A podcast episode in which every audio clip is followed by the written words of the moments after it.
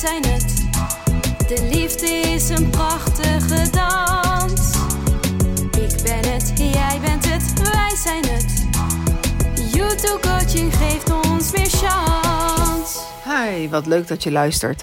Welkom bij Op zoek naar de liefde met Scheiden wat nu. Mijn naam is Annette Burgers, relatietherapeut, schipbehandelaar bij YouTube Coaching en stiefcoach bij Stiefgoed. Ik maak deze serie Scheiden wat nu omdat ik overtuigd ben van het feit dat we dit beter kunnen. Scheiden. Zonder dat we de kinderen opzadelen met ons scheidingsverdriet en alle problemen rondom, zodat ze later niet in therapie hoeven om de scheiding een plek te geven en te verwerken. Vandaag ga ik in gesprek met Steven Pont. Ik heb ontzettend uitgekeken naar dit gesprek. Dus tegenover mij zit Steven Pont. Nou, je hebt een hele lijst: ontwikkelingspsycholoog, mediator, systeemtherapeut, Socratisch gespreksleider, auteur en columnist. Heb jij nog vrije tijd, Steven? Zeker, zeker, Ja? zeker. Ja, ja, ja. Ja, die, die, die, dat is niet allemaal fulltime. Oké. Ja. Nou, welkom in je eigen huis, in het eh, mooie Hilversum. Dank je. Eh, mijn podcast heet Op zoek naar de liefde. Steven, heb jij de liefde gevonden? Ja, ja, zeker. Ja, En eh, toen jij jouw liefde ontmoette, wat betekent dat dan, de liefde? Wat maakt dat deze liefde, dat dit de liefde is? Wat betekent het woord liefde voor jou? nou, eh, de, eh, ik denk dat het woord dat het eerst bij me opkomt is verbinding. Hè? Dus dat je je aan iemand verbindt en dus aan diegene verbonden voelt. En alles wat daarbij komt. Daarna kregen we twee kinderen. Dat is natuurlijk ook één grote verbinding. Ehm, en eh, dat is nu twintig jaar geleden. Wauw, 20 jaar. Ja. En ik kan me zo voor. Ben je eigenlijk, want deze aflevering, het gaat over scheiden. Ehm, maar ook scheiden is weer uiteindelijk, eh, je start iets met trouwen. Zijn jullie getrouwd? Nee. Nee? Oké. Eh, maar soms zi- zijn er weer opnieuw verbindingen in je relatie, omdat je nieuwe fases ingaat. Ja. Hoeveel fases in, in je relatie in die 20 jaar hebben jullie? Ja, er zijn er een paar. Het eerste is natuurlijk het krijgen van kinderen. En we hebben ook een verhuizing meegemaakt. We wonen in Amsterdam. En eh, toen zijn we eerst naar een tussenhuis gegaan. eh, wat vrij ver van de school lag. Dit huis waar we nu wonen ligt vrij dicht bij de school. Maar we moesten even vijf maanden overbruggen. En het was toen staan ze nog op de, op de basisschool. Nou, dus eh, dat was ook een fase dat we echt met z'n vieren in dat in dat huis eh, zaten, nieuw, in een nieuw, nieuwe omgeving. Eh, en we wisten ook dat we daar niet zouden landen. En we zaten ook in de spullen van andere mensen. Dus dat was ook een, een belangrijke fase. die niet altijd leuk was, maar ons wel dicht bij elkaar heeft gebracht. Hmm. Uit, uit welke facetten bestaat een, eh, een relatie, volgens jou? Eh, nou, die eigenlijk, eh, dus die, die verbinding. En die verbinding bestaat weer uit een aantal dingen, denk ik. Ehm, bijvoorbeeld, en hoe saai dat ook klinkt. ehm, maar bijvoorbeeld voorspelbaarheid. Dat ehm, denk ik toch een belangrijk onderdeel eh, ervan is. Omdat dat als je dan thuis komt. Kijk, als, al is het maar dat de bank altijd op dezelfde plek staat. Hè? Dus, ehm, en in het buitenleven staat de bank vaak op een andere plek. Hmm. Of je komt ergens waar, de, hè, in overdrachtelijke zin natuurlijk. En ehm, dat, dat dat een soort ehm, baken van, van eigen eh, is. En eh, nou, die, ik denk dat dat belangrijk is om een, om, een eigen terrein te hebben, ook in een relatie, maar ook fysiek. En, en behalve verbinding, eh, communicatie, hoe belangrijk eh, is die? Zeker, maar dat, dat valt er eigenlijk voor mij allemaal onder. Hè? Want je kunt, hoe, kun- hoe, hè, hoe kun je je verbonden voelen zonder, zonder communicatie?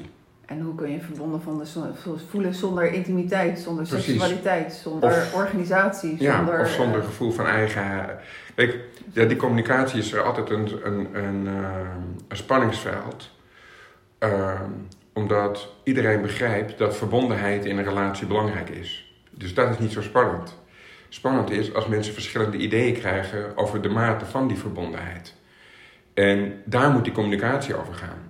Want als je het allebei gewoon totaal eens bent over de mate van verbondenheid, dan is er geen spanning. Want dan klopt het allemaal. En gelukkig is dat niet zo. Dus op sommige gebieden willen mensen meer verbinding en op andere mensen op andere gebieden minder. En hoe blijf je verbonden met elkaar in die, in die verschillen? Dus ik zal een voorbeeld geven. Dat is een, uh, is een man en uh, die, gaat altijd, die, die, gaat altijd alvast naar boven een boekje lezen in zijn bed. Maar hij wordt wat ouder, dus hij valt steeds in slaap. En zijn vrouw, die uh, kan het geen wel te meer zeggen. Want dan is hij al in diepe slaap. En zij vindt die verbinding van samen, vindt zij belangrijk. Mm -hmm. Dus zij zegt, uh, schat, ik vind het prima als je naar boven gaat om een boekje te lezen. Maar zou je mij alvast beneden wel rustig willen zeggen? En hij flipt. Dus, want hij hoort een bevel, een gedragsinstructie. Dus waar zij de verbinding zoekt, door zoiets simpels alleen al, hè, en hij doet het normaal gesproken, alleen een verdieping hoger. En het verzoek is eigenlijk hetzelfde, alleen uh, landt het in zijn oor als iets heel anders dan zij het heeft bedoeld. Nou, als je daar niet over communiceert, van wacht even, wat gebeurt hier eigenlijk? Dan blijft het bestaan. En elk conflict dat je niet oplost, die komt de volgende dag weer terug of de volgende week weer terug. Dus die communicatie, die gaat altijd over het schoonmaken van wat er uh, speelt. Mm-hmm. En um, dat is, en ik geloof dat dat uh, een van de sleutels is, dat op zich moet je leuk vinden. Communicatie moet je leuk nee, vinden? Dat, dat je schoonmaken. Dan denk je, hè, wat, wacht even, wat gebeurt hier? Weet je wel, en dat je niet probeert te winnen. Maar dat je probeert te snappen van, hè, wacht even. Wat gebeurt hier? Wat, dit is grappig. En om dat op die manier te bekijken. En niet te denken, hard met je vuist op tafel te slaan. En nog een keer te gaan herhalen wat je standpunt is. Hmm. Want dat is wel duidelijk hoor, je standpunt. En, dat, en het standpunt van de ander is ook wel duidelijk. De grap is, hoe, kan, hoe krijg je dat weer bij elkaar? En het, de, de meest belangrijke vorm daarin is de moeilijkste vorm van humor. Dus, ik bedoel niet humor, dijenkletsende humor van haha, maar, uh, en dat is zelfspot. Het is zelfspot dat je jezelf en je eigen standpunt, dat je begrijpt dat dat een persoonlijk standpunt is en niet een soort waarheid die door de eeuwigheid is ingegeven. Maar dat je gewoon snapt, ja, dat vind ik, maar dat is net zo mal voor jou als jouw standpunt voor mij is. Mm dus die, allebei die standpunten zijn mal. Ik heb mij verbonden met die ene, maar dat wil niet zeggen dat dat niet net zo'n mal standpunt is als ik hem vanuit jouw positie bekijk als andersom. En um, als het moet, een glaasje wijn erbij. Dus het is niet... Niet, niet te veel, want anders valt hij dan in slaap. Sorry? Niet te veel, want anders valt ja, val je zelfs al beneden ja. in slaap. Ja, ja, ja. Nee, maar een, een, glaasje wijn erbij? Nou, dat het niet... Als je zegt van ja, we moeten communiceren, dan, dan is het alsof je een blok beton in de kamer laat vallen. Weet je wel? Nee, oh, dat is dat woord. Terwijl als je zegt, uh, uh, zoek naar de verschillen en, uh, en kleur de plaatjes, bij wijze van spreken, dan is dat ook de pret. Dus het is niet dat schoonmaken en schoonhouden is niet een soort corvée. Dat is nou net de pret. Mm-hmm. Ik heb uh, een, een ingezonde brief, want ik heb van jou, hè, je komt uh, regelmatig met je columns met, met ingezonde vraagstukken. Beste Steven, mijn vriendin heeft soms de neiging om oude koeien uit de sloot te halen om mij ermee om de oren te slaan. Hoe zou ik hierop moeten reageren in plaats van verongelijkt en primair geïrriteerd? Oké. Nou, um, je afvragen waarom zij dat doet. Want zij heeft een reden. Dus iedereen legitimeert altijd zijn eigen gedrag met een reden. Niemand zegt, ja, dat is heel, ja, geen idee. Hè? Dus, uh, en de vraag, dus als zij zegt, um, jawel, maar dat punt is nog niet opgelost. Of dat staat symbool voor iets groters, voor een patroon. Dus het lijkt een oude koe, maar het is ook een kalfje vandaag. Dus eh, ik wil het patroon duidelijk maken van dit, als, als, dit is het patroon waar we inschieten. En dat moet anders. Kijk, een incident, in een relatie heb je twee dingen. Je hebt incidenten en patronen. En een incident overleef je wel, over het algemeen. Hè? Dus iemand heeft een keer niet afgewassen nadat je thuisgekomen bent en je hebt wel gekookt. Dan, en je komt thuis en nou, dan was ik even af. Want dat is de olie van de relatie. Dat je niet op al die slakken zout legt. In het vertrouwen dat, als dat er een goede reden is waarom dat niet is gebeurd. En als je op dat soort slakken zout gaat leggen, dan, dan word je een economische eenheid. Van voor wat hoort wat op een veel te klein Mickey Mouse niveau. Dus je ziet dat en denk nou, en nu gebeurt het volgende week weer. En de week erop weer. En zeg je, weet je, twee weken geleden. En zeg je, ja, maar dat is een oude koe. Dus nee, dat is geen oude koe, want ik probeer aan te geven dat er een patroon aan het ontstaan is. En waar dat patroon ons heen leidt, daar willen we niet terechtkomen. En nu kunnen we nog bijsturen. Dus dat is niet een oude koe. Het is een ehm, manier voor mij om te laten merken dat het niet iets alleen maar is van vandaag. En dan, woorden zijn belangrijk, hè? dus je zegt dat is een oude koe, dan zegt hij eigenlijk, hè, want we zeggen iets en daarmee zeggen we eigenlijk iets anders. Dus je zegt oude koe en daarmee zeg je eigenlijk je zeurt. Ehm, en dan dat. Degene die dat zegt, zal niet zeggen, ja je hebt gelijk, ik zeur. Dus jij blijft in jouw waarheid zitten dat dat zeuren is. En je reageert op dat dat zeuren is. Voor de ander is dat niet zo. En hier gaat de communicatie, loopt uit de rails. Omdat jij op jouw standpunt blijft staan, ik mag zo reageren omdat dit zeuren is. Dat jij die definitie eerst zelf gegeven hebt en dat jouw gedrag vervolgens gelegitimeerd is naar aanleiding van je eigen definitie, waardoor jij jezelf uh, de toestemming geeft om dat zo te doen. Maar die toestemming komt bij jezelf vandaan. Dus dat is ja, een beetje zelfbevlekking bijna. En als de ander dat ook doet, die neem je dat kwalijk ook nog eens. Ja. Hè, dan weet je al, oké, komen we bij hierbij dichter bij elkaar, blijven we staan of drijven we uit elkaar? Nou, en heel vaak drijf je dan uit elkaar. Dus de basis is nieuwsgierigheid. Van hoe kan iemand, die ik toch van de miljoenen, miljarden mannen of vrouwen heb gekozen op deze aarde, heb ik deze uitgekozen. Dus er is iets wat mij, aan, wat mij aantrekt, wat mij. En um, hoe kan het dat ik daar niet meer geïnteresseerd in ben? Hoe dat ik, dat ik daar niet meer nieuwsgierig naar ben? Ik bedoel, diegene is me niet opgedrongen. Nee. Ik heb deze keuze gemaakt. ja. Nou, dus daar, ehm, ik vind diegene boeiend. Kijk, dat is op zijn minst. Hè? Dus je, je kunt ook je partner op de verkeerde gronden kiezen. En eh, dat je eh, eh, diegene hebt gekozen omdat hij of zij knap is. Nou, dat, mm, of seksueel aantrekkelijk. Dat is wel een hele slechte grond. Dat is wel weer mooie bijproducten. Maar dat, dat je iemand interessant en boeiend vindt, dat is, dat is, de, drijf, dat is de drijvende kracht. Ehm, nou, en als je iemand boeiend vindt, dan kan het niet anders dat je geïnteresseerd bent in hoe komt diegene die ik toch, zo boeiend vind op dit standpunt uit. Want ze is niet gek of dom of slecht, of hij. En dat zijn de amateurdiagnoses op het moment dat communicatie uit de rails loopt. Dan krijg je de amateurdiagnose, je bent dom, je bent slecht of je bent gek. En nu woon je in iemand met iemand in huis die je dom, slecht of gek vindt. Ja, maar dat komt misschien omdat je aan de voorkant denkt, jawel, maar ik ben eigenlijk helemaal niet zo geïnteresseerd in jou. En daar, daar moet je zelf achter de oren krabben. En uh, je best gaan doen. Want uiteindelijk is iedereen interessant. Want iedereen heeft een verhaal. Iedereen heeft een wordingsgeschiedenis. Iedereen heeft legitimatie van zijn of haar standpunten. En als je dat al van tevoren had bedacht, ja, maar ze is een beetje dom. Dan heb je of een beetje gek, of, of ze heeft dus die slechte kant. Ja, het, het is jouw keuze geweest, lieverd. Ik bedoel, niemand heeft gezegd tegen jou... bij deze heb je hier uh, degene met wie jij het leven door moet. Hmm.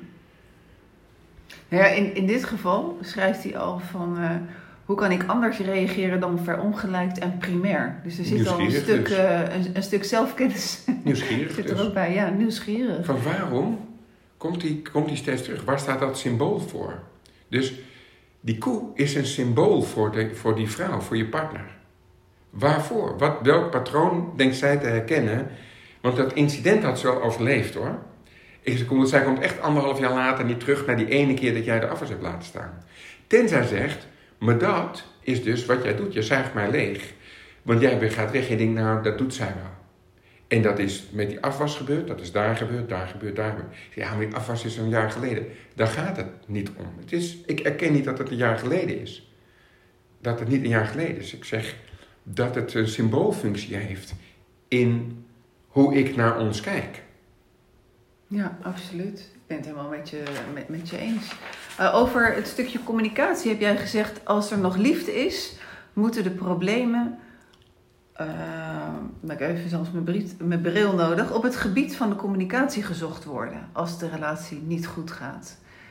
Is dat eh, algemeen zo, denk je? Nou, het is in ieder geval een hele belangrijke start. Hè? Dus het begint bij eh, alles weten is alles begrijpen. En eh, als je iets niet begrijpt, dan weet je niet voldoende.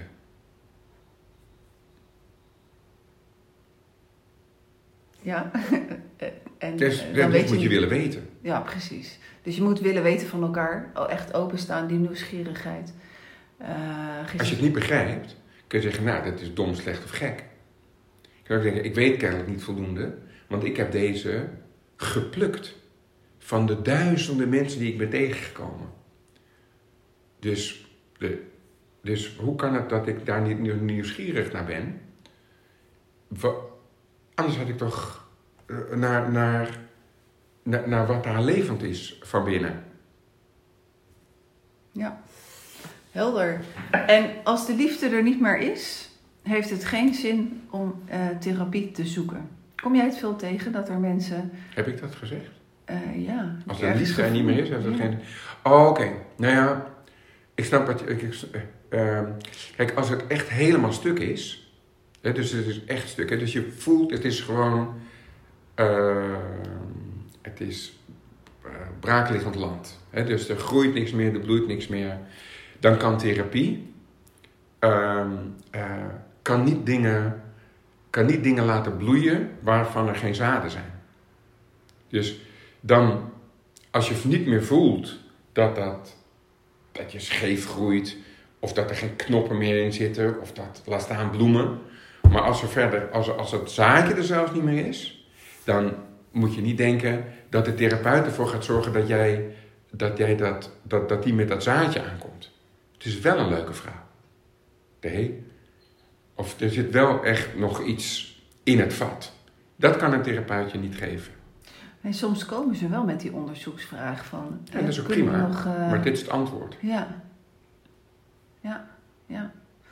En ehm, als het nou uiteindelijk, als we het erover eens zijn, het gaat niet meer, we gaan Mhm. uit elkaar. Het verwondert mij dat, er, dat wij in een eerste wereldland leven en dat er zoveel problemen ontstaan in die situatie van een scheiding. Dat, er, dat het eh, voor kinderen per definitie een trauma is. En dat is logisch, dat snap ik wel.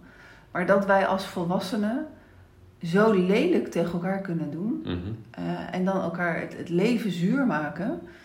Ehm, het is niet wetenschappelijk onderbouwd, maar voor mij is het wel zo dat een, een slechte scheiding is per definitie een bommetje onder een volgende relatie. Mhm. Omdat je te maken hebt met de loyaliteitsproblemen, conflicten van de kinderen, een ex die gaat stijgen. Ehm, ik hoorde jou in het webinar, ik- ik zag je en ik hoorde je. En ik dacht, nou, Steven is nog niet uitgesproken over het stukje sociale context. Wat wij allemaal eh, kunnen doen als er iemand in je omgeving gaat scheiden. Ja. Kun je daar iets eh, over vertellen hoe je Ja. daar eh, naar kijkt? ja. Nou, als mensen gaan scheiden, dan komen ze in een soort tunnelvisie terecht. En, ze, ehm, en, en ze nemen steeds extremere standpunten in. Daarmee mede gevoed door bijvoorbeeld vrienden of andere mensen. Die zeggen, ja, da- inderdaad. En wat ik daar heb betoogd is dat ik vind dat als je gaat scheiden, dat je iemand uit je omgeving die je vertrouwt, zegt: luister, eh, jij moet mij uit die tunnel houden. En ik geef je daar niet de verantwoordelijkheid voor, maar ik wil wel dat bij jou het tegenspel. Want we weten allemaal dat mensen die in een scheiding terechtkomen, dat die verblind raken. En ehm, ik hoorde een man en die zei: Eigenlijk vind ik dat mijn vrienden slecht voor me gezorgd hebben. Want ze hebben me altijd gelijk gegeven. En ze hebben me gesteund. En steun is een ingewikkeld concept. Uh, want je kunt uh, iemand steunen, maar dat wil niet altijd ook zeggen dat je hem daarmee helpt. Of andersom. De steun en hulp zijn twee verschillende dingen. dus je kunt iemand uh, door te helpen, kun je hem niet steunen. Of door um, gelijk te geven, kun je hem niet steunen. Dus hij was eigenlijk een beetje verbolgen over dat hij zei van... Ieder, mensen moeten dat gezien hebben. En waarom zijn deze goede vrienden van mij... hebben niet gezegd... luister Hans, we hebben hier een flesje wijn. We gaan zitten. En ik wil dit gewoon met jou bespreken. Want zo nabij staan wij elkaar. Je goede vrienden zijn ook je grootste criticasters. Omdat de relatie dat kan dragen. Kijk, een minder goede relatie kan die zwaarte niet aan. En dan breekt de relatie. Terwijl juist de mensen die heel dichtbij staan, die, kunnen, die relatie kan, kan ook de zwaarste lasten dragen. Het zijn ook de mensen die over drie jaar je rolstoel nog duwen. En er zijn ook de mensen die zo kritisch kunnen zijn, omdat de relatie dat overleeft. En uh, mensen doen dat moeilijk uit zichzelf, en dat snap ik ook wel. Maar ik denk wel dat het goed is om, zeker als er kinderen, of eigenlijk alleen maar als er kinderen in het spel zijn, om jezelf te verplichten om zo iemand te benoemen. En die, tegen diegene zeg je niet, luister, ik ga doen wat jij zegt. Maar ik wil in ieder geval het tegenspel uh, horen van de gezonde krachten. Want waarom zou ik eraan ontsnappen als ik om me heen heb gekeken hoe iedereen uit de bocht vliegt? Uh, en zichzelf legitimeert. Hè? Want daar komen we weer terug op dat eerste deel. Niemand vliegt uit de bocht en legitimeert zichzelf niet op de een of andere manier om dat te mogen doen. En die zelflegitimatie die is heel erg gevaarlijk, omdat het is alleen maar een gesprek met jezelf. In plaats van een gesprek met andere mensen die gezondere krachten ook mee, mee, mee in dat besluit kunnen nemen, in die legitimatie. Steven, waarom denk je dat we dat, we, ik zeg gewoon met z'n allen, hè, dat we dat met z'n allen niet doen? Omdat we een door en door geïndividualiseerde maatschappij zijn. En in een, in een geïndividualiseerde maatschappij is uh, de cultuur, uh, je spreekt elkaar niet aan. Uh, tenzij je er naar gevraagd wordt. Maar hè, ook op straat of weet ik. Hè, dus elkaar aanspreken. of het voelen dat niet te doen omdat er een bredere collectieve... Hè, dus je hebt een geïndividualiseerde cultuur en je hebt een collectieve cultuur. En elke cultuur zit een beetje tussen die twee uitersten. En in de westerse maatschappij zitten wij in een hele geïndividualiseerde maatschappij. En in Azië en Afrika en zitten ze in een hele collectieve maatschappij. En wij zitten in die hele geïndividualiseerde maatschappij. Waarin elkaar met rust laten en het individu hoog achter heel erg hoog in ons vader staat. Nou, en dus bemoei je niet zozeer met elkaar. Dus als, uh, als iemand in jouw omgeving uh, gaat scheiden, dan is van nou, het eerste advies is uh, zoek iemand als, als sparringpartner die, waarmee je eer, echt eerlijk ongezouten soms kritiek kan krijgen. Heb je nog meer tips? Wat, stel, het is niet zo hoor, want ik ga zelfs dit jaar trouwen, maar stel ik ga scheiden. Ehm, nou, wat voor tips? Ik, ik, ik benoem iemand en, uh, en dan? Wat kan ik nog meer doen? Om te zorgen dat ik niet in een, uh, in een vechtscheiding terechtkom. Okay. Terwijl ik ongelooflijk boos ben op mijn, uh, op mijn aanstaande ex-man omdat hij me bedrogen heeft, bijvoorbeeld. Ja. ja. Nou, voor, voor mij is het, zijn er, is het magische woord ehm, recht te doen. Dus iedereen in de scheidingssituatie moet recht worden gedaan. Dus ook, ik zal een simpel voorbeeld geven, ook de grootouders moeten in die hele scheidingssituatie recht worden gedaan. Bijvoorbeeld dat ze hun kleinkind kunnen blijven zien. Dat is een oerrecht. En uh, in dat iedereen recht moet worden gedaan. Als iedereen recht wordt gedaan, of iedereen recht is gedaan, dan is er stabiliteit en is er billijkheid in het systeem. Dat is niet eenvoudig. En er is ook een volgordelijkheid van dat, uh, dat, dat je recht wordt gedaan. En daarin gaat het volgens mij vaak out of back. Want toen ik wist dat jij kwam, dacht ik: oké, welke invalshoek zal ik nou kiezen? En toen dacht ik: dit wordt hem. Dat iedereen recht moet worden blijven gedaan. En daar zit een volgorde in. En die volgorde, die is vaak out of whack. Die is uit balans. Vaak is de eerste die recht wordt gedaan, is je nieuwe partner. dus daar, en dat is niet de goede volgorde. De eerste aan wie recht moet worden gedaan, zijn de kinderen. De tweede aan wie recht, hoe moeilijk ook hè, de tweede aan wie recht moet worden gedaan is je ex. Namelijk niet in de positie van partner, maar in de positie van ouder, als medeopvoeder van de kinderen. Dus we hebben eerst de eigen kinderen. Als die recht worden gedaan, je ex moet recht worden gedaan. Als je ex recht is gedaan, moeten de grootouders recht worden gedaan. Uh, als de grootouders recht is gedaan, moeten de zeer nabije familieleden recht worden gedaan. Bijvoorbeeld je tweelingzus of als je met je broer een bedrijf hebt. dus de echte hele erg nabije die eigenlijk tegen het gezin aanschuren. Dan, als, als die in die volgorde recht is gedaan, pas dan steek je over. Dan nog doe je je toekomstige partner niet als eerste recht. Degene die in dat systeem als eerste recht moet worden gedaan, zijn de kinderen van dat systeem. Als die recht worden gedaan, wordt de nieuwe partner recht gedaan. Als die recht worden gedaan, worden de grootouders recht gedaan. En degene die tegen dat, dicht tegen dat gezin uh, aanschuren. Als die recht worden gedaan, worden de families recht gedaan. En als die recht worden gedaan, worden de vrienden recht gedaan. Dat is de volgorde. En wat is jouw definitie over recht worden gedaan? Dus in, het eerste stapje dus wat hebben ouders te doen als ze gaan scheiden met het recht doen aan de kinderen? Dat je in de positie van kind blijft. En onbelast bent met datgene wat de volwassenen hebben gevonden in de volwassen wereld. Dus knok elkaar de tent uit in de volwassen wereld als partners. Maar je bent in de kinderwereld, ben je niet die partners, in de kinderwereld ben je de ouders. En daar knok je elkaar niet de tent uit. Dus er is een lijn een leme laag daarboven, de volwassen wereld.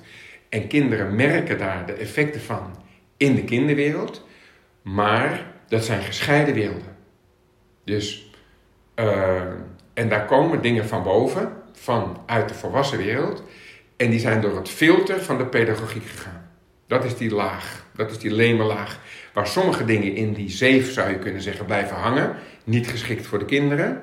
Dus uh, uh, de alle intieme details over de vreemdgaanderij, die blijft in die leme laag hangen. We gaan niet mijn, negenjarige dochter... Opzadelen uh, met het verhaal van je vader is vreemd gegaan. Eventueel, maar niet alle... Hè, dus er zijn dingen gebeurd, maar in ieder geval moet je daar ideeën over hebben. En hoe meer je vertelt, hoe als het belastend is en hoe belastender het is, op het niveau waarin je waarin je niet thuis hoort. Dus dat je niet je onbelaste positie van kind kunt houden. Uh, dat de grootouders niet een onbelaste positie van grootouders kunnen houden. Dus dat is recht doen aan. We zeggen dat je die positie onbelast kunt uh, uh, houden.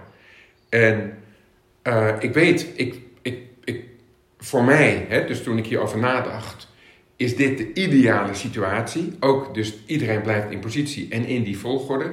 En ik begrijp natuurlijk heel goed dat dat niet bereikt wordt. Maar dat het niet bereikt wordt, wil niet zeggen dat dat niet het streven is. En dat ik dus verantwoordelijk ben. Zelfs voor, dat die hebben we nog overgeslagen. Voordat een nieuwe partner van mijn ex in positie kan blijven ten opzichte van haar kinderen of van de. Daar heb ik een verantwoordelijkheid in. Waarom? Omdat ik in de volwassen bovenlaag leef.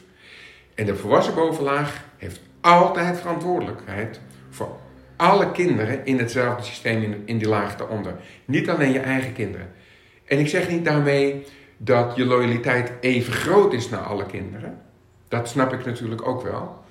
Maar dat een systeem in balans is in deze ideale situatie zoals ik hem net heb geschetst. En dat moet het streven zijn. En als het je niet lukt, moet je een gevoel van tekortkoming voelen. En niet een legitimatie om dat te mogen doen. In het geval van wat ik schets, hè, van uh, de man is vreemd gegaan, heb je als moeilijkheid in, in, in, in dit stuk dat iedereen daar ook gelijk een mening over heeft. Mhm. dus de grootouders die uh, recht gedaan moeten worden, die hebben daar gelijk een mening over. In mhm. ieder geval, in dit geval, de grootouders of de ouders van de vrouw, die hebben direct een mening over hun schoonzoon, die vanuit hun optiek. Hoe, hoe krijg je dat dan strak? dat zij hebben. Zij mogen dat vinden vanuit een positie van grootouder. Maar op het moment dat zij hun kleinkinderen gaan mobiliseren, dan doen ze dat niet meer uit een positie van grootouder. Dan oversteken ze de intergenerationele grens over. Dus dat mag. Natuurlijk mag. Maar je verlaat nooit je positie. En jij bent de grootouder. En je doet de dingen die je doet ten opzichte. Je doet weer andere dingen, want uh, uh, ten opzichte van je eigen kind. Want dan heb je, een, daar heb je een andere positie toe. En je mag die vrouw veroordelen uit jouw positie als schoonmoeder, als schoonvader. Dat je dat 100% veroordeelt, legitimeert je nog niet, het gedrag zal nog vaak terugkomen, legitimeert je nog niet om je kleinkinderen te mobiliseren. Want dan verlaat je de positie van grootouder en dwing je de kinderen dus ook om een positie van kind te verlaten. En op dat moment wordt ze geen recht gedaan. En kunnen ze niet onbelast in deze gespannen situatie datgene doorleven wat ze moeten doorleven. Dan krijgen ze meer te dragen dan de situatie ze al te dragen geeft. Voor de schoonmoeder, om, om zichzelf schoon te maken, vervuilt ze haar kleinkind. Steven, je zat bij dat webinar zat je naast Sander Dekker. Als jij eens op zijn stoel zou zitten, wat zou je dan doen met scheidingen? Wat, wat zou je in de, in, in de maatschappij initiëren als jij minister zou zijn en je zou een aantal plannen in Nederland kunnen uitzetten? Ja, nou ik zeg even ter eerste, ter verontschuldiging mij, ik ben niet zo van het beleid. Dus met wetten en ik, ik hou me er wel eens mee bezig, hè, dus toen ook. En dan weet ik weer, oké, maar dit is helemaal niet wat ik... Er zijn natuurlijk mensen, dit zijn vergadertijgers en beleidsstukken en dan... En daarover weer over vergaderen en dan nog aanscheppen. En ik, ik dank God op mijn blote knie dat die mensen er zijn, zodat ik dat niet hoef te doen. He, dus... dus zet iemand naast jou die die eigenschap heeft. En dan gebruiken ze jou als ideeëntank. Steven, wat heeft Nederland nodig om beter te scheiden? Um, nou, uh, ja, ik vind dat heel, heel, heel lastig, omdat het een beetje platgetreden paden zijn. Dus waar je op komt, is de uh, cursus wat het betekent om een gezin te hebben voordat je een gezin start. En die kun je natuurlijk niet verplichten. maar iets meer aan de voorkant regelen en iets meer realiteitsbesef maar dat is gewoon heel erg lastig. Omdat ik kan jou vertellen, het woord, ik kan jou het woord koud uitleggen. En daar kan ik een kwartier over praten. Echt? Stel, stel, ja, stel, En, dan, uh, en dan zet ik je 10 seconden op de Noordpool. En dan zijn mijn woorden, blijkt pas hoe zwak die zijn. Omdat de ervaring, die kun je niet vangen met woorden. Dat is, dat is waarom communicatie zo'n krakkemikkig middel is. Of althans, de taal is een heel krakkemikkig. Het is het enige middel dat we hebben. Maar het, het, het is natuurlijk aangespoeld wrakhout. Um, omdat er zoveel mis kan gaan. En dit is al één van de dingen. Dat het woord koud is niet koud. Als ik het woord koud uitspreek, dan word jij niet koud. Dat is jammer in, de, in, in zekere zin. En ook wel fijn trouwens. Ja, heel fijn. Uh, omdat als, anders, als ik het woord dood uitspreek, dan, wordt dan wordt het wel heel... Nee, maar je begrijpt wat ik bedoel. Ja. Dus dat is heel erg... Um, dus uh, uh, het is misschien uh, daarmee niet te voorkomen. Dus we denken vaak dat informatie werkt. En informatie werkt niet, hè, want anders zouden mensen wel stoppen met roken. Want die hebben echt alle informatie al en toch blijven ze roken. Dus, dus ik, ik heb er weinig vertrouwen in dat ik iets kan verzinnen. Zo iedereen graaft het leven weer voor het eerst uit en ervaring is maar mondjesmaat overdraagbaar. En dus iedereen stapt weer in diezelfde valkuilen en in diezelfde. En daar kun je aan de voorkant zouden we wel iets meer kunnen doen om dat duidelijk uh, uh, te maken. Dus bijvoorbeeld, de ander maakt jou niet gelukkig. Dus al die liedjes van. Uh, je kunt de ander niet verplichten om jou gelukkig te maken. Dus het nummer Ik hou van mij mm -hmm. van Tabita, Tabita Mhm. dat is een mooie. Ja, want ik hou van mij en op het moment dat ik van mezelf hou, uh, sta ik ook beter in een relatie. Ja, nee, maar je kunt wel van de ander houden. En je kunt ook wel Ja. van jezelf houden. Maar uh, de ander verplichten, zo van jij maakt mij gelukkig, uh, dat is een enorme.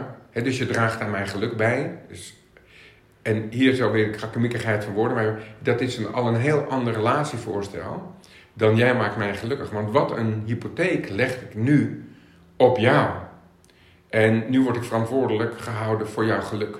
De andere kant betekent dat dat ik verantwoordelijk ben voor jouw ongeluk. En dat kan niet, dat kun je niet uitbesteden. En uh, uh, dus mensen gaan ook met een enorme dosis uh, blindheid daar vaak natuurlijk in. En het is, het is bijna niet te doen om te vertellen weet je, nog, weet je wat je allemaal nog tegen gaat komen? Want je zegt, ja, ja, oké, en, en dan? Ah, ja. En, dat, en een biertje bij, ah ja, ach, ah, oh, ja, grappig. Of, jeetje, wat erg. Totdat je er bent. En dan zullen we misschien iets meer in, de, in onze geïndividualiseerde maatschappij uh, iets meer het collectief weer aan kunnen spreken. Waarbij je uh, dat niet alleen zozeer uh, draagt. Mm. Ik merk ook hè, dat zowel in het onderwijs, maar ook in mijn praktijk, dat um, als ik vraag naar jeugd van wat heb je gezien thuis, is natuurlijk ontzettend belangrijk.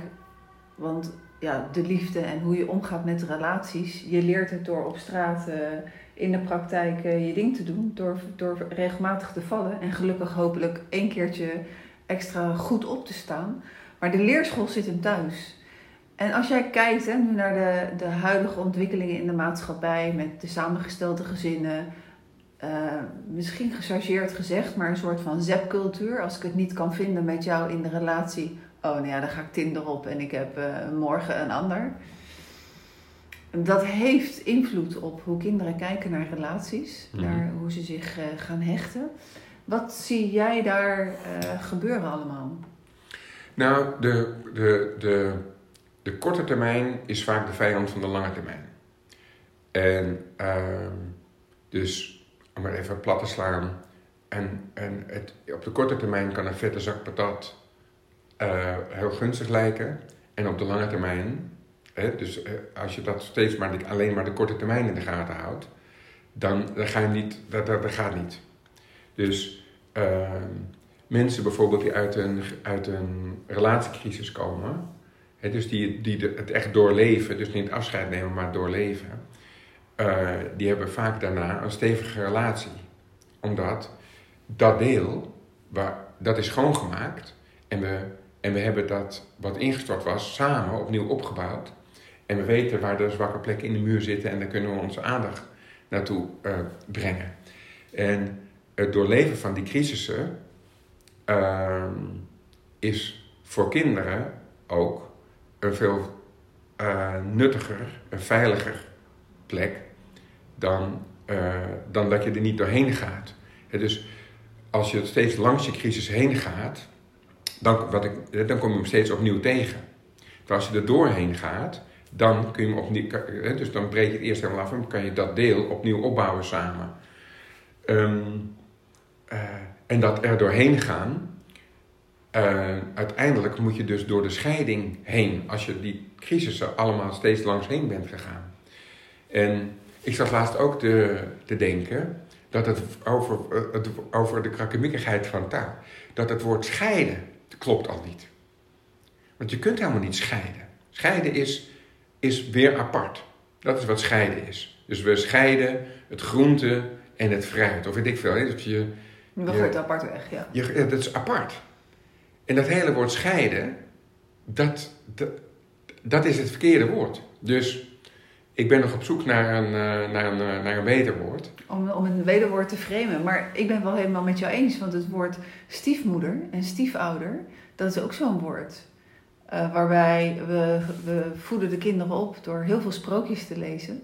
Nou, ik ken geen sprookje waarbij een stiefmoeder een, een goed verhaal heeft. Nee. Dat is wel negatief. Dus dan wordt dat heel negatief geframed uiteindelijk. Vandaar bonusmoeder, plusmoeder, plusouder. Nou, daar is ook nog geen ideaalwoord eh, van uitgekomen. Maar ik kan me het helemaal voorstellen dat het scheiden, dat dat ook zo'n woord is. Ik ben benieuwd wat, waar je uiteindelijk Ja. eh, mee komt van, eh, vanuit het woord. Ja. Ja. Want je blijft natuurlijk ten alle tijden blijf je samen ouders.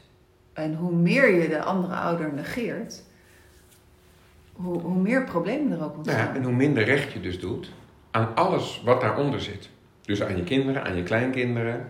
Dus zodra de kleinkinderen niet onbelast een verjaardag kunnen vieren, omdat opa 's morgens komt en er moet echt wel twee uur tussen zitten voordat oma kan komen. Dat, dat gaat niet alleen over jou.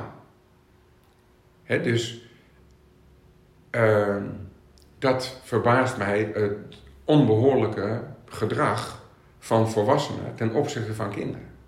Dat ze, ja, maar dat voel ik nou eenmaal zo.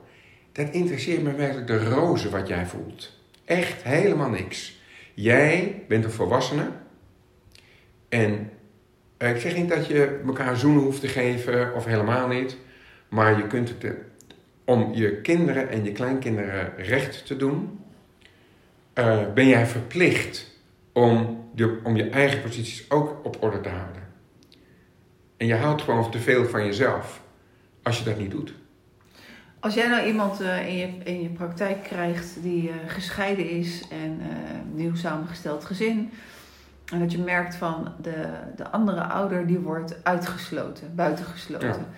Ehm, en de man zit echt met ontzettend veel woede. Hoe ga je dan te werk? Vertel je dit verhaal van het recht doen? En, en komt die gelijk binnen? Of, of zijn er nog meer manieren om iemand Ik kan niks veroorzaken, hè? dus ik kan alleen maar, ik kan, ik kan die man niet bij zijn oor pakken. Alleen, eh, hier gaat het ook over dat hij eerst recht moet worden gedaan dat zijn vrouw is vreemd gegaan. Hè, dus eh, dat moet erkend worden. En eh, op, alle, op alle niveaus, maar ook op, op, het, op het niveau van dat niveau. Dus daar wordt anders met de kinderen over gesproken, op kinderniveau, dan op andere niveaus. Dat is. Eh, en dus dat, dat, dat hij, als hij dat, dat is zijn lot. Om dat te dragen. Dus dat kan hij niet uitbesteden. Dat is het lot. Hè, dus je, je wordt ziek, eh, je, je, iemand gaat vreemd. En dat moet je, daar moet je, dat, dat, dat lot, dat is wat het leven jou heeft gegeven. Jij hebt diegene uitgekozen, nogmaals. Jij bent verantwoordelijk voor die keuze.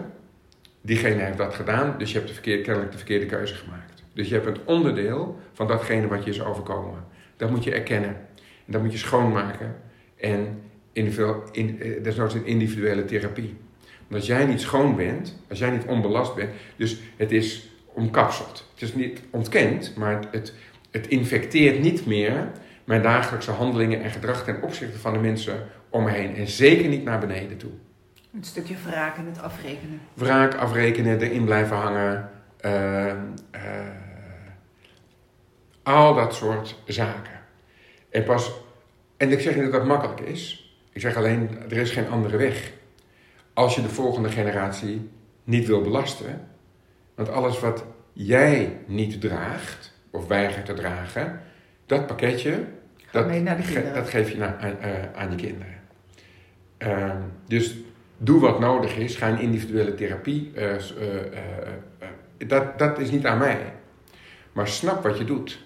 En snap dat het leven lijden is. En dat het leven jou een lot geeft. En dat de kunst van het leven niet is om je lot van je schouders af te duwen, alleen maar. Maar ik denk, oké, dus dit is het, wat, wat het lot mij gebracht heeft. En dat hebben we allemaal. En dat daar houden.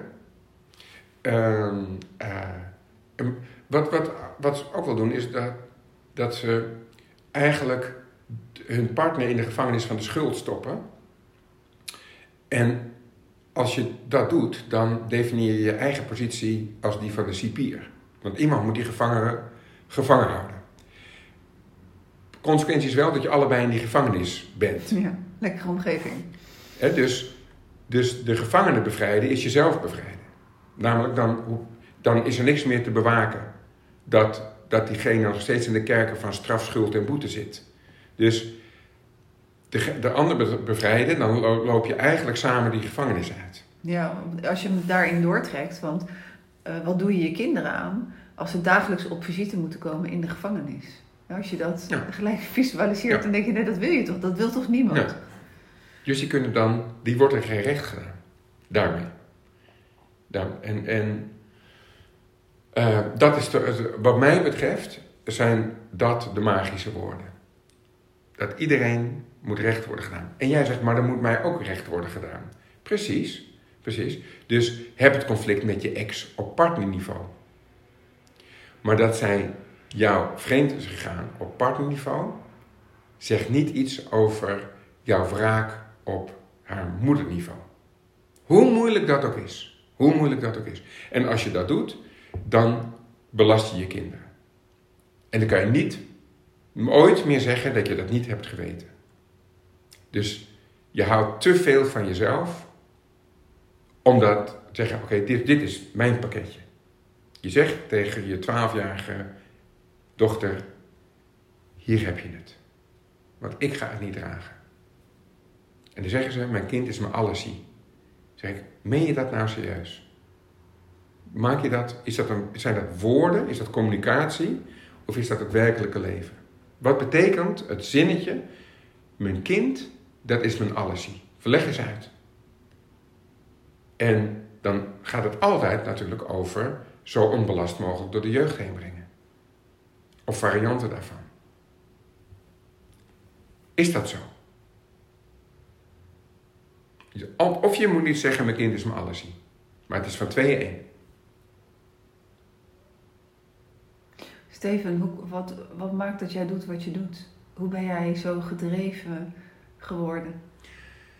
Nou, ehm, omdat beschaving, ja, en dat is ook een legitimatie, hè, wederom. Hè, dus het, het, die bron, ja, maar de, de, de, de, de beschaving kun je aflezen aan hoe er met de zwakste in de samenleving wordt omgegaan. Dus met de gevangenen, met oude mensen, met zieken met, eh, en met kinderen.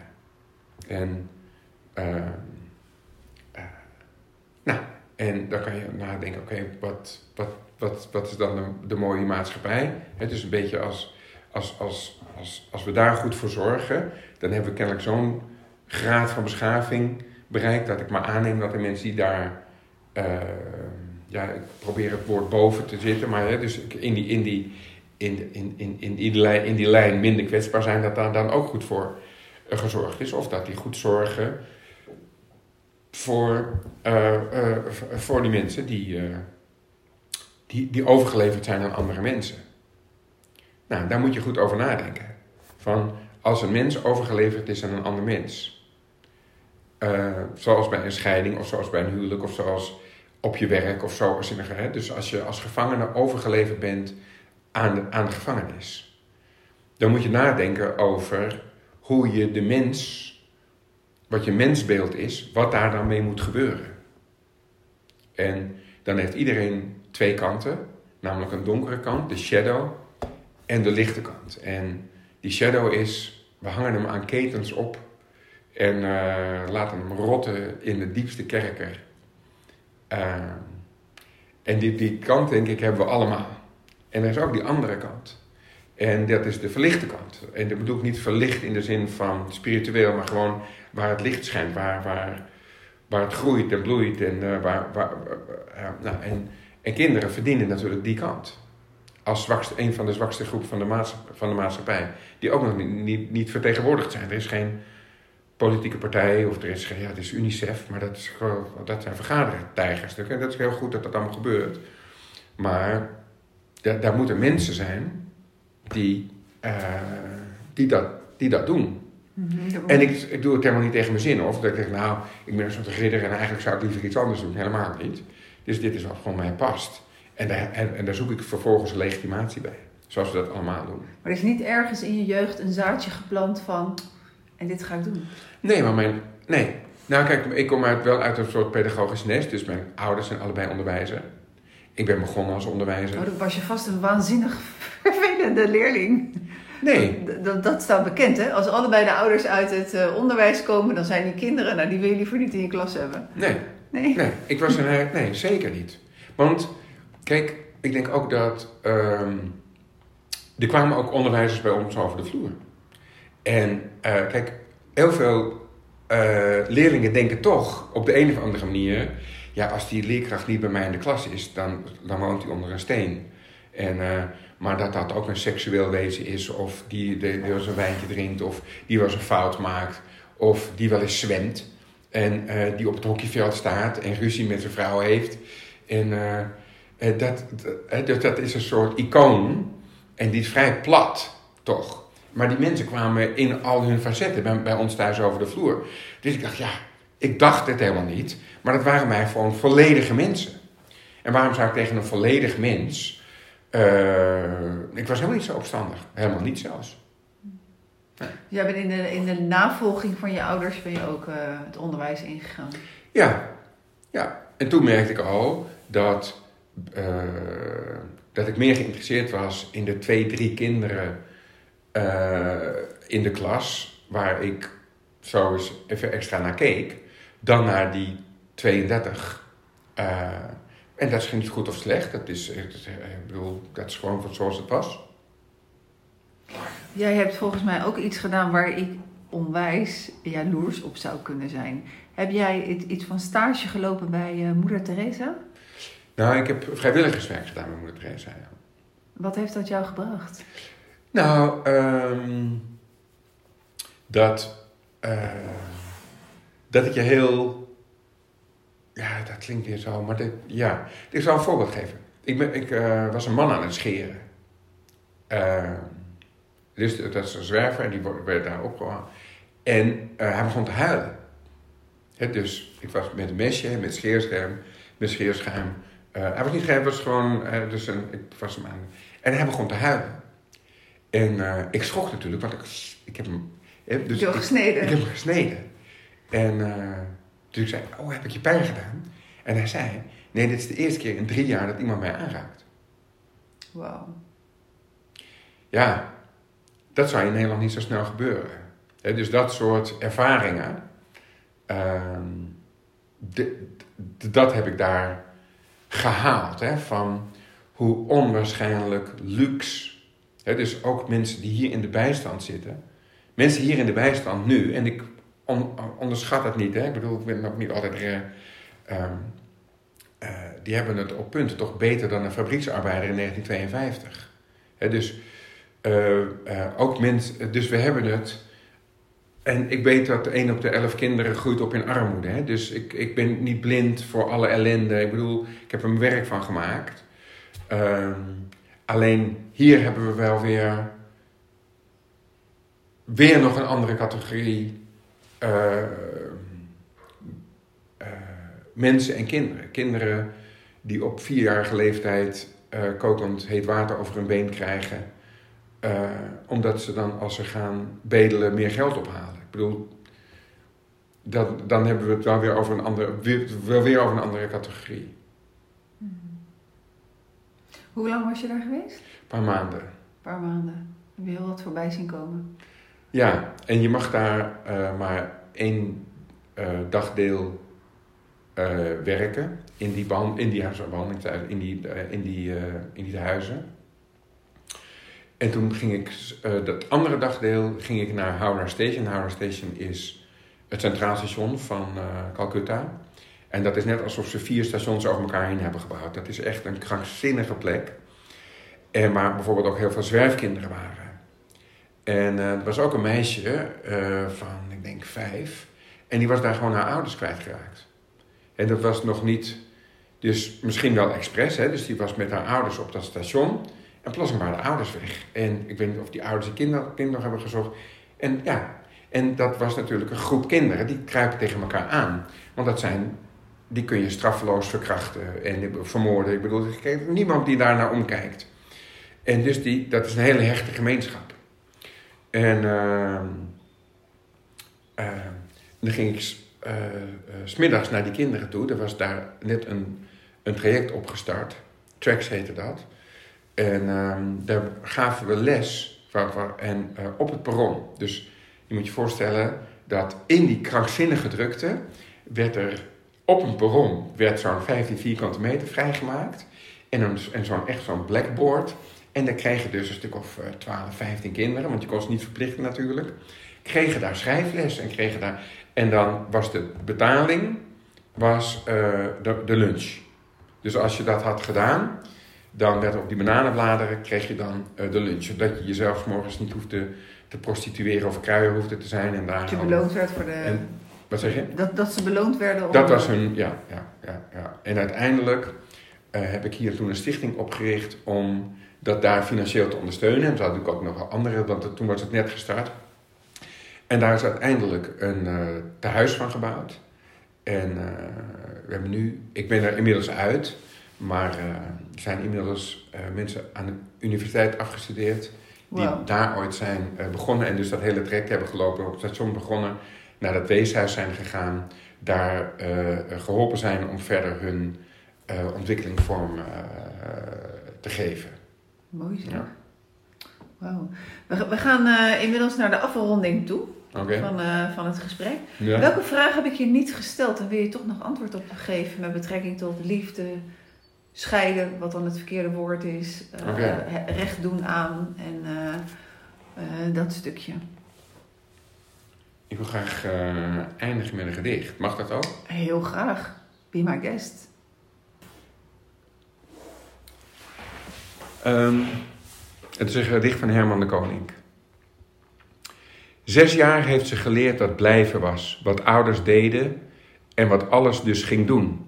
Een tafel bij een stoel, nu, bij toen, het meervoud van geluk was wij.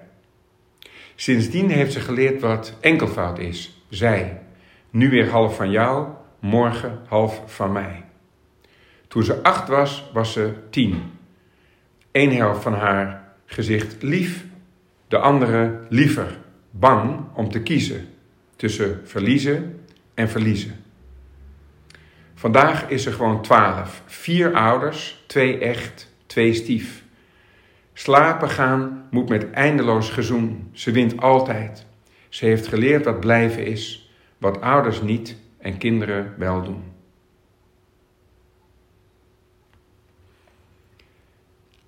Het is waarom dat zo'n mooi gedicht is. Uh, dit gaat over hechting voor een deel. Dus zij heeft geleerd wat, wat blijven was. En daarmee krijg je een vertrouwen in je ouders. En omdat je vertrouwen in je ouders hebt die blijven, krijg je vertrouwen in de mensheid. En krijg je vertrouwen dat intimiteit loont. En dat verbondenheid, waar we mee begonnen, dat dat iets is wat nastrevenswaardig is. Want dat zie je voor je ogen gebeuren. En dat is ook waarom kinderen van gescheiden ouders ook veel, zelf weer een veel grotere kans hebben om te scheiden. Als want ze hebben het, dat hebben ze voorgeleefd gekregen. En uh, dus zes jaar heeft ze geleerd wat blijven was. Dus de eerste zes jaar heeft ze dat geleerd. Na die zes jaar, toen de ouders gingen scheiden, leerde ze iets anders over het leven. Namelijk dat dat uh, dus niet het geval was. Dus toen ging ze van het meervoud, van wij als eenheid, als die verbondenheid, naar zij, verrek.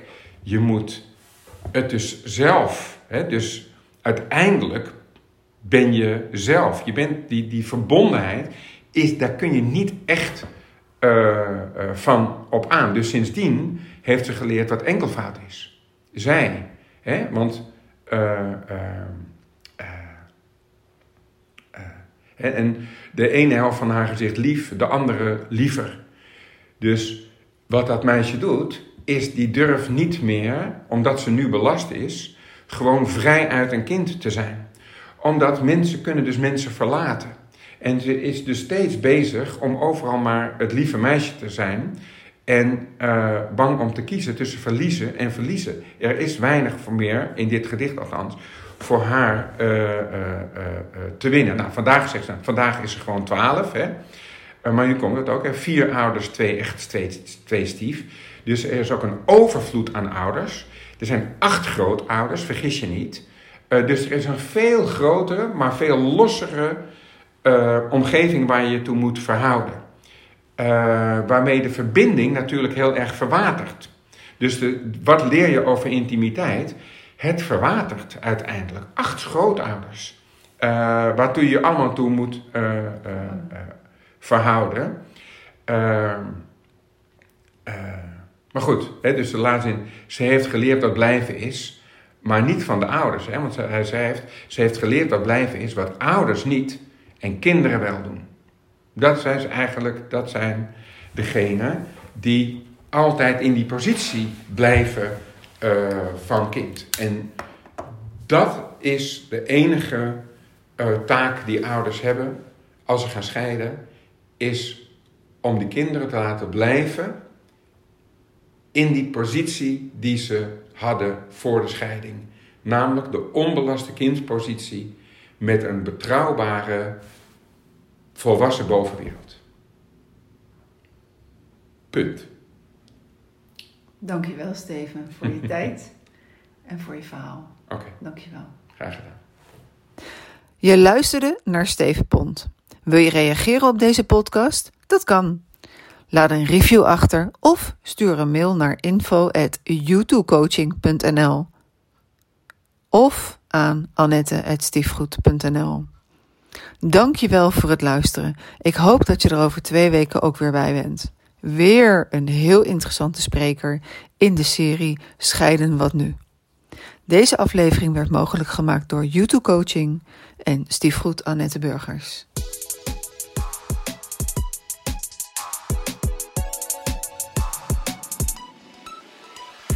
Ik ben het, jij bent het, wij zijn het. De liefde is een prachtige dans.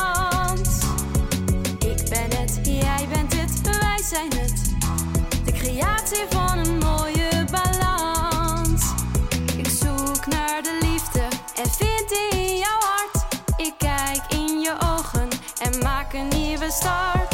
Ik ben het, jij bent het, wij zijn het. De liefde is een prachtige dans. Ik ben het, jij bent het, wij zijn het. De creatie van een mooie balans. Nooit meer maak ik die fouten, gezin is een geheel. Het zijn onze systemen, harmonie valt ons ten deel.